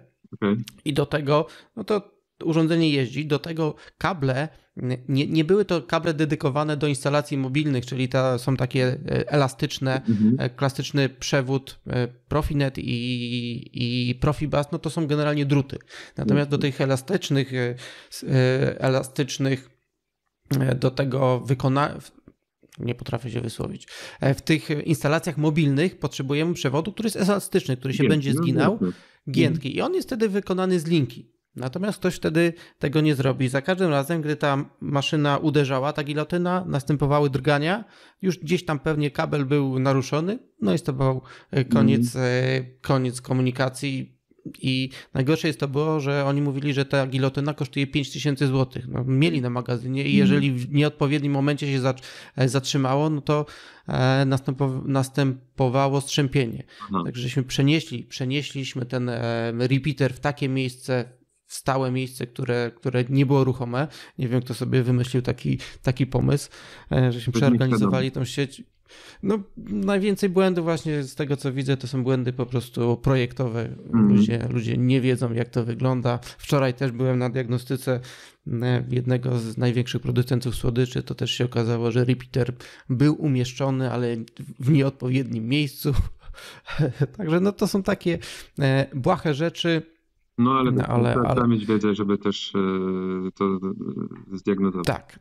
A jeszcze chciałbym, chciałbym wytłumaczyć, co to znaczy, że komunikacja działa w trybie e, rzeczywistym, bo ja to opowiadałem w jednym z odcinków o Profinecie. Mhm. Natomiast normalny Ethernet działa w ten sposób, że ramki są wysyłane i niekoniecznie, niekoniecznie nas interesuje, czy ona przyjdzie po, mil, po dwóch milisekundach, po pięciu. Jak coś streamujemy, no to najwyżej nam się trochę, trochę gdzieś tam E, poklatkuje, tak, te kwadraty większe się porobią, natomiast w automatyce nie możemy sobie pozwolić na to, żeby ta informacja nie dotarła w określonym czasie. Dokładnie. I ten tryb czasu rzeczywistego, on mówi, informuje nas, że jeżeli chcemy, żeby ta informacja doszła po jednej milisekundzie do danego urządzenia, do napędu, to ona musi w tym czasie dotrzeć e, i właśnie tutaj te mechanizmy tego Profinet IRT nam zapewniają to, że informacja dociera do E, do danego urządzenia w określonym, w określonym czasie i, i, i tak jest, tak jest. No prostu... i jeszcze tak nawiążę do tego, e, co mówiłeś a propos tego Profibasa i mechanicznego e, zakłócenia pracy po prostu sieci. No to w Profinecie IO i RT też jest bardzo ważne, żeby ta sieć była możliwie oddzielona od jakichś innych urządzeń, od y, standardowej automatyki, od y, jakichś, nie wiem, switchy, chociażby takich, które nie wspierają tego trybu izochronicznego, bo bardzo często się zdarza, że jeśli ta ramka komunikacyjna nie dotrze na czas, to co powiedziałeś, a może wynikać to właśnie z, z racji jakichś zakłóceń po prostu sieciowych, no to wtedy jest też błąd magistrali, no nie? więc trzeba zwracać uwagę na to, żeby ta sieć izochroniczna, nie wiem, była na osobnym interfejsie ze sterownika, żeby tam nie było jakichś switchy niewiadomego pochodzenia, żeby nie było zakłóceń na tej sieci. Też miałem takie, takie przypadki z klientami, gdzie właśnie te problemy z komunikacją IRT występowały losowo i to jest, to jest takie najtrudniejsze, no nie, bo raz działa, raz nie działa, raz na godzinę, raz na dwa dni wystąpił problem. E, no i tam akurat też to było związane z tym, że był zastosowany jakiś switch bardzo dobrego, e, nawiasem mówiąc, producenta przemysłowy, ale ten switch był na tyle dobry, że on po prostu co jakiś czas puszczał sobie w sieć ramkę testową i sprawdzał, e, czy przepustowość jest ok, czy wszystkie urządzenia odpowiadają i tak dalej. No i ta ramka kontrolna, ona zakłócała komunikację izochroniczną i wtedy po prostu wysypywał się sterownik. Y, także na to, na to też trzeba zwracać uwagę, żeby dbać o, o sieć y, Profinet IO i RT. No a to ja tutaj uzupełnię. Tutaj jest coś takiego w Profinecie, jak e, urządzenia są dedykowane i mamy trzy klasy. E, to jest ta Conformance Class A, B i C i tutaj do tego Profinet IRT musimy mieć urządzenia właśnie spełniające tą klasę CC. To się nazywa CC, CC mhm. natomiast Conformance Class C i wtedy jeżeli idziemy do producenta, jeżeli idziemy do Radka i mówimy potrzebuję switch do Profinet IRT, E, no to dostaniemy tego typu mm, urządzenie. No i to jest, e, możemy mieć naprawdę, tak jak mówisz, no, e, świetne urządzenia sieciowe od producenta z branży IT, super, a się Dokładnie. okazuje, że one z Profinetem, z Profinetem i RT to tak nie zawsze. Jest to, jest to świetny protokół i naprawdę ma wiele możliwości, ale ma też swoje wymagania, także no, trzeba na to troszkę tak dwustronnie spojrzeć. Natomiast no, no z punktu widzenia aplikacji takich synchronicznych właśnie, gdzie mamy synchronizm pomiędzy wieloma osiami, no to jakby nie ma opcji, żeby bez tego się obyło. No bo tak jak powiedziałeś, my wysyłamy ramkę komunikacyjną, gdzie wędruje chociażby ten set point pozycji czy tam prędkości do poszczególnych osi. Jak chcemy, żeby one poruszały się no, chociażby w równobiegu synchronicznie, no to żeby zweryfikować, czy one rzeczywiście znalazły się na odpowiedniej pozycji w odpowiednim czasie, musimy ramkę wysłać do obu urządzeń, czy do 10, czy 100 w tym samym cyklu, no i w kolejnym cyklu e, zweryfikować, jaka jest pozycja. No jeśli nie będziemy mieli tej informacji w jednym cyklu e, przetwarzania sterownika, no to ta, ta synchronizacja tak naprawdę nie ma sensu, no bo jakaś drobna odchyłka, która się może jeszcze nawarstwić, no powoduje, że to nie jest aplikacja wysokiej precyzji. Także synchronizm, tryb izochroniczny to musi iść w parze. Jeżeli jak jesteśmy przy tym Profinecie, to jeszcze dodam, że w Profinecie bardzo ważne jest takie zagadnienie jak line depth. W nim nie możemy mieć zbyt wielu urządzeń w jednej linii, mhm. ponieważ w Profinecie każde urządzenie jest switchem. Po prostu włączymy dwa kable i ta ramka przechodzi. E, I każde urządzenie elektroniczne wprowadza pewne opóźnienie, więc jeżeli tych urządzeń mamy za dużo, e, to mamy za duże opóźnienie na ostatnim urządzeniu i tak jak mówisz, jeżeli chcemy, żeby wszystkie urządzenia, napędy zatrzymały się w tym samym punkcie, a one obracają się z bardzo dużą prędkością, no to takie opóźnienie powoduje, e, no powoduje błędy. A ludzie, ludzie często, no to są błędy projektowe wynikające z podstaw, ale jaki problem podłączyć przecież tak samo jak włączymy w domu drukarki po Ethernecie, to tak samo przecież ludzie myślą, że e, działa Profinet. Mm. Dokładnie, dokładnie. Jeszcze tylko jedną rzecz Ci powiem e, a propos tej linii, o której wspomniałeś. Jeśli łączymy urządzenia w topologii linii, i mamy profinet izochroniczny i nie mamy możliwości, żeby e, oddzielić na przykład urządzenia izochroniczne od nieizochronicznych e, poprzez inny interfejs na, na sterowniku, e, no to też zaleceniem jest takim, żeby najpierw podłączyć te urządzenia właśnie, które pracują w IRT, a dalej za nimi dopiero urządzenia bez trybu izochronicznego. Wtedy właśnie unikniemy tych problemów, o których wspomniałeś. Tak, bo to często zdarza się tak, e, kurde, mieliśmy o, motion control rozmawiać, a nie o Profinecie, ale, ale myślę, że to, to e, często wiele, wiele błędów właśnie z pozycjonowaniem wiąże się z tym, że ta sieć jest po prostu źle zbudowana. E, niewiele osób sobie mm, zdaje sprawę, że panele to nie jest komunikacja profinetowa, tylko jest komunikacja ethernetowa. Tak Już nie będziemy wnikać, ja odsyłam do, do podcastu o Profinecie.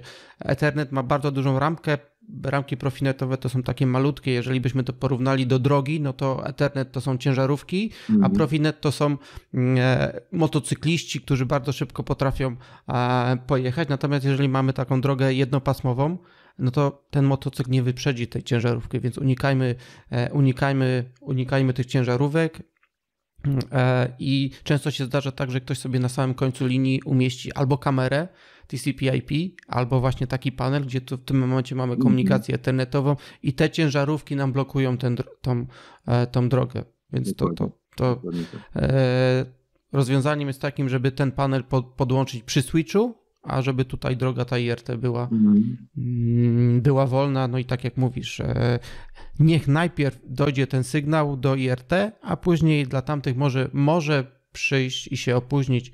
Tutaj jeszcze w Profinecie mamy taki taką terminologię jak jitter, która określa właśnie nam e, terminowość i mhm. o, o, ile dla zwykłego profinetu możemy mieć do 50%, czyli jak ma, mamy ramkę odświeżanie na poziomie 2 milisekund, tam do 1, 1 e, milisekunda do góry czy w dół nie robi problemu, ale przy IRT e, musimy trafić w punkt po prostu. Musi, musi się zmieścić, inaczej po prostu cała magistrala tak. się wysypie. Tak.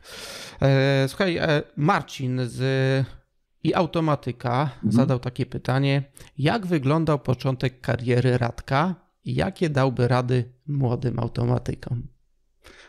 Przypominasz sobie te dawne czasy? Co? Już powiedziałeś, że zmieniłbyś, gdybyś mógł, to byś inaczej karierę pokierował. Tak jak ci mówiłem, nie, nie specjalnie jakoś lubię mówić na, na swój temat. No, yy, nic tam mi się wydaje spektakularnego, po prostu się nie działo, ani ciekawego. Ja, ja krótko mówiąc skończyłem Politechnikę Śląską w Gliwicach. No i bardzo krótko pracowałem w jakimś tam zakładzie pracy, a później trafiłem do Siemensa. No i w Siemensie to w zasadzie tak jak powiedziałem, od początku zajmuję się doradztwem technicznym, z zakresu Simatica, e, czyli e, sterowniki, panele, mm, wizualizacje, komputery. No a teraz e, parę lat temu mm, zasiliłem taką naszą wewnętrzną komórkę APC, czyli Application Center. To jest taka komórka w Siemensie w zasadzie globalna, czyli no każdy kraj ma, ma jakiś tam swój oddział, może nie każdy, no ale u nas stosunkowo niedawno się mm, taka grupa właśnie utworzyła. E, no i e, ta komórka aplikacyjna e, zajmuje się takim kompleksowym podejściem mm, do projektów, czyli wspieramy naszych klientów zarówno na etapie doboru, jak i jeśli jesteśmy w stanie mm, określenia technologii, czy, czy później ewentualnego szkolenia, E, no i oczywiście uruchomienia, diagnostyki i tak dalej. Także e, jest to takie bardzo e, przekrojowe stanowisko, gdzie często jest tak w korporacjach, że jeden człowiek odpowiada za jeden element, za jedno urządzenie i na tym się ma znać, a reszta go tam średnio interesuje. No ma to swoje zalety, bo na pewno bardzo dobrze się zna na tym jednym produkcie, no ale z drugiej strony ktoś się go zapyta o coś innego, pokrewnego, no to, no to też nie będzie miał w ogóle wiedzy.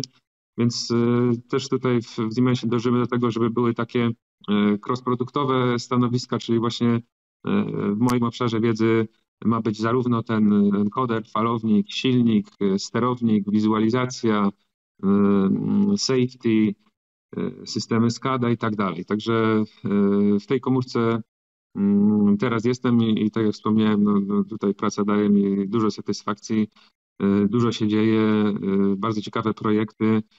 E, no ale tak z punktu widzenia e, tej kariery, o którą tam kolega pytał, no to, e, no to w zasadzie dosyć taka korporacyjna bym powiedział, czyli, czyli w zasadzie po studiach praktycznie trafiłem do, do Siemensa, no i, i, i tutaj no do teraz jestem. Mhm. Bo właśnie wspomniałeś o tym, bo automatyka to jest naprawdę bardzo szerokie zagadnienie i, i znam ludzi, którzy rzeczywiście idą w jednym kierunku i jego interesują na przykład tylko systemy safety i on w tych mhm. systemach safety się specjalizuje, ale jakby miał podejść do zagadnienia na przykład właśnie troszeczkę innego, coś tu z napędami zrobić, e, no to już nie do końca. E, a znowu ciężko nadążać za tymi wszystkimi nowinkami, e, ale mi się wydaje, że no niestety nasza branża, ten zawód wymaga takiego szerszego podejścia i, i, i spojrzenia. Musisz wiele rzeczy, wiele rzeczy musisz umieć, może nie do końca umieć, ale musisz wiedzieć i mieć świadomość, z czym to się je. I, i e, myślę, że to jest ważne i, i tutaj e, warto już na tym etapie mm, właśnie mm, uświadamiać sobie, że to jest bardzo szeroka branża i trzeba wieloma Dokładnie rzeczami tak. się.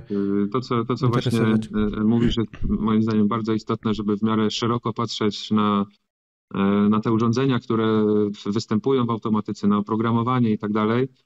E, także a propos właśnie tych rad, których ewentualnie mógłbym ze swojej strony udzielić, no to e, no po pierwsze mm, znaleźć swoje miejsce, znaleźć to, co daną osobę najbardziej ciekawi, przez po prostu poznawanie możliwie szerokiego zakresu urządzeń, czy, czy właśnie jakichś software'owych narzędzi.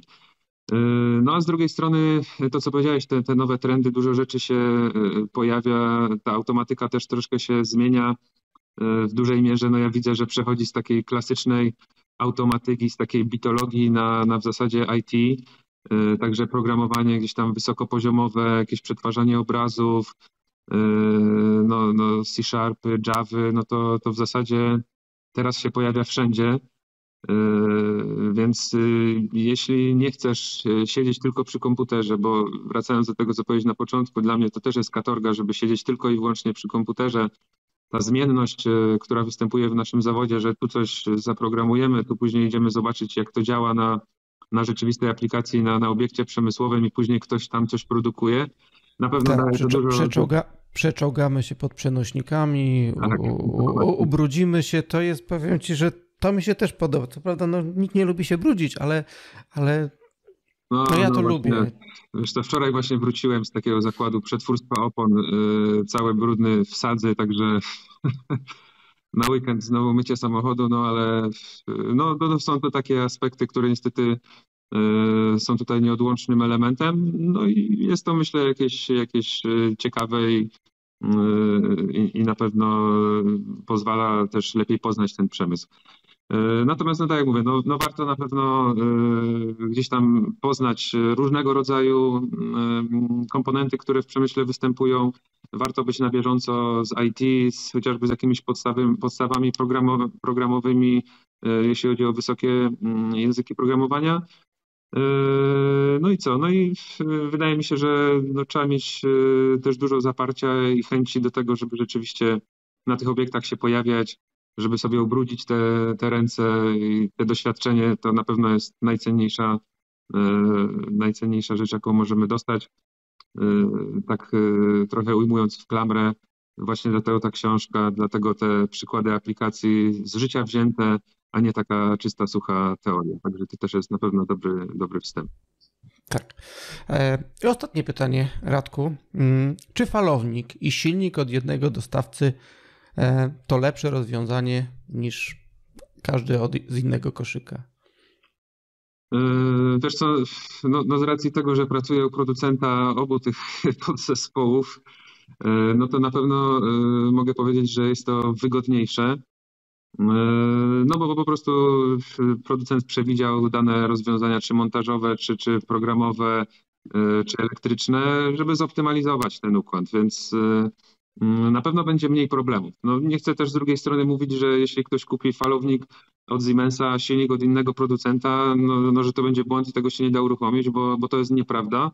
Można to zrobić, no ale zazwyczaj pojawia się taka kwestia ludzka, techniczna, że jak coś nie działa, no to teraz pytanie, do kogo się zwrócić? Czy do producenta falownika, sterownika, czy silnika, no nie? I, i kto powie? A każdy będzie mówił, no tutaj w zasadzie nasze działa, no może z drugiej strony wiesz, jest taka przepychanka, a później się mm, człowiek robi nerwowy, wiesz, uruchomienie, tutaj oczywiście ktoś z zegarkiem nad tobą stoi, więc y, y, nie jest to, nie jest to prosta sprawa, chociaż y, no, no wydaje się mało istotna.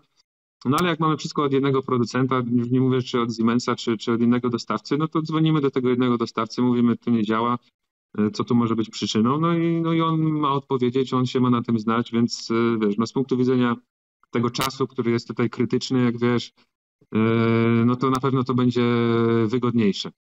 A jeśli chodzi konkretnie o e, portfolio Siemensa, mm, no to mamy rodziny serwonapędów, gdzie możemy zastosować e, silniki innych producentów. Mamy takie, gdzie nie możemy i to jest po prostu określone na poziomie produktowym, tak mówi dokumentacja, na przykład E, bardzo popularne serwonapędy Dynamics V90, ale mają dedykowane silniki i nie można innych stosować. Jak weźmiemy e, taki układ z górnej półki, czyli na przykład Dynamics S120, tam jest taka dowolność, możemy zastosować silnik innego producenta, natomiast zdarzyło mi się to e, takie aplikacje uruchamiać z klientami i no, powiem szczerze, że jest kilkadziesiąt parametrów, które musisz uzupełnić, żeby mieć e, jakby zgodność konfiguracyjną silnika z, z falownikiem. No i wyobraź sobie, że otwieram dokumentację producenta silnika i tam pokrywa ci się pięć tych parametrów, nie? No i teraz zaczyna się doktoryzować, co to są te pozostałe parametry, czy one są istotne, czy mogą wpłynąć na pracę silnika albo na jego uszkodzenie. Tego nie wiesz. No a tak jak powiedziałem wcześniej, czy nomenklatura, czy sama dostępność do tych parametrów, czy dokumentacji sprawy trywialne, ale nie zawsze jest to takie oczywiste, nie zawsze jest do kogo zadzwonić. Jakiś niszowy producent czasem nie ma w ogóle wsparcia technicznego w Polsce, więc y, no, po prostu takie problemy y, y, z życia wzięte. Także dla wygody stosowałbym osobiście zawsze urządzenia od jednego dostawcy, mm, no ale jak czasem życie zmusi, bo klient końcowy wymaga, no to, to nie ma wyjścia. No, trzeba się po prostu doktoryzować, dobrze zrobić jakieś testy poznać jakichś e, mądrych ludzi i, i po prostu e, ugryźć temat. No, myślę, że wszystko jest do, do zrobienia. E, bo to takie zaczepne pytanie było, bo ja, no, ja pracuję z mm, produktami firmy, w której pracujesz i no to jest duża wygoda, ponieważ po pierwsze mamy wszystko w jednym środowisku, tak, e, czyli możemy zaprogramować falowniki, możemy e, napisać program, możemy to zdiagnozować. E, dodatkowo, jak konfigurujemy, to wystarczy, że piszemy numer zamówieniowy i wszystkie parametry od razu się z, powiedzmy z katalogu zaciągają. Tak.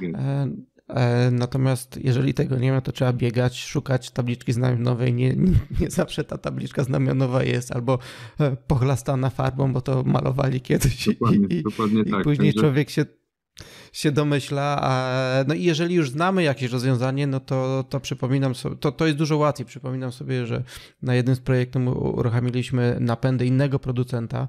No i technologia działania i zasada działania silnika czy, czy falownika jest no, podobna, tak? Ale się okazuje, tak jak mówię, że tu są inne parametry, to inaczej trzeba skonfigurować, inaczej to działa, musisz sobie swój blok napisać, e, bo na przykład producent tego nie dostarcza, a te, te, te klasyczne nie zawsze, czy tam te dostępne, ogólnodostępne, takie typowe nie zawsze, nie zawsze spełniają Twoje wymagania, mhm. a tutaj od jednego producenta, od Was, no mamy naprawdę wiele bibliotek, które wiele, wiele, wiele rzeczy nam załatwiają, także myślę, że tak, no, to no trzeba przyznać, że, że to, to wsparcie techniczne i ogólnie to jak też e, Siemens AG, czyli, czyli nasza centrala, jak, jak funkcjonuje w tym zakresie, e, że, że ten support i właśnie różnego rodzaju biblioteki, e, że to po prostu jest i zawsze jest się do kogo zwrócić z zapytaniem technicznym. Nawet jeśli tutaj w Polsce nie jesteśmy w stanie pomóc, no to hotline niemiecki pracuje też nieprzerwanie i zawsze jakąś odpowiedź dostaniesz. No więc to, to jest, myślę, bardzo ważna sprawa. Radku, ja Ci bardzo dziękuję za to dzisiejsze spotkanie. Mieliśmy 40-45 minut rozmawiać, a. Wydłużyło się, bo nie patrzyłem na zegarek. To ja tak trochę, trochę, trochę zerkałem, ale myślę, że myślę, że nam słuchacz to wybaczy i e, wybaczy i dużo się z tego odcinka dowie, także jeszcze no. raz serdecznie Ci Również dziękuję. Ci dziękuję Kamil za zaproszenie. No, jeśli chodzi o słuchaczy, no to myślę, że mogą zawsze przewinąć, jeśli uznają, że jest mało ciekawie. E, jeszcze ta jedna sprawa. ale to... słuchaj, słuchaj, a jak przewiną i zgubią bardzo istotny moment? To, no, to jest ja ryzyko. Nie sugeruję, żeby przewijać, ale wiesz, można tak. w podwójnie szybkim tempie puścić, także różne są możliwości.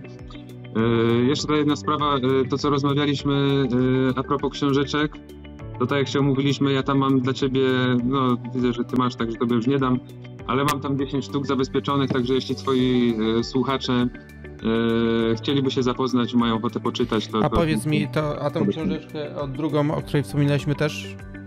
Tak, ta druga, czyli de facto ta pierwsza kolejności powstawania też... ona... O, widzę, że też masz egzemplarz. E, jak najbardziej Także to też, taki, też taki zestaw jest. Także zachęcamy, Świetnie. E, oczywiście bezpłatnie wyślemy. E, Świetnie, bo myślałem, że już mnie oszukałeś i, i to były takie gruszki na wierzbie. Nie? Nie, nie, nie wykręcam się, także wszystko jest. Dobrze. Jeszcze raz Radku Ci dziękuję. Dzięki, Powodzenia, do zobaczenia i wszystkiego dobrego. Wzajemnie. Trzymaj się. Dzięki raz jeszcze. Do zobaczenia. To tyle na dzisiaj. To był Radosław Krzyżanowski, autor książki Semantic Motion Control, w której znajdziesz bardzo szerokie opracowanie dzisiejszego tematu. Jeżeli spodobał Ci się odcinek, to zostaw komentarz, daj łapkę w górę i subskrybuj podcast w aplikacji, z której korzystasz. Obiecałem powiedzieć, jak otrzymać książkę. Po prostu zostań naszym patronem na www.patronite.pl ukośnik automatyczny podcast – a ja na początku czerwca 2022 wśród patronów rozlosuję 5 zestawów książek autorstwa Radosława. Sporządziłem również ankietę, w której możesz zdecydować, jaka tematyka będzie dominować w następnych odcinkach. Ankieta dostępna jest pod adresem www.automatycznypodcast.pl ukośnik ankieta i zajmie Ci tylko dwie minuty, za co z góry serdecznie dziękuję. To już wszystko. Z automatycznym pozdrowieniem. Do usłyszenia.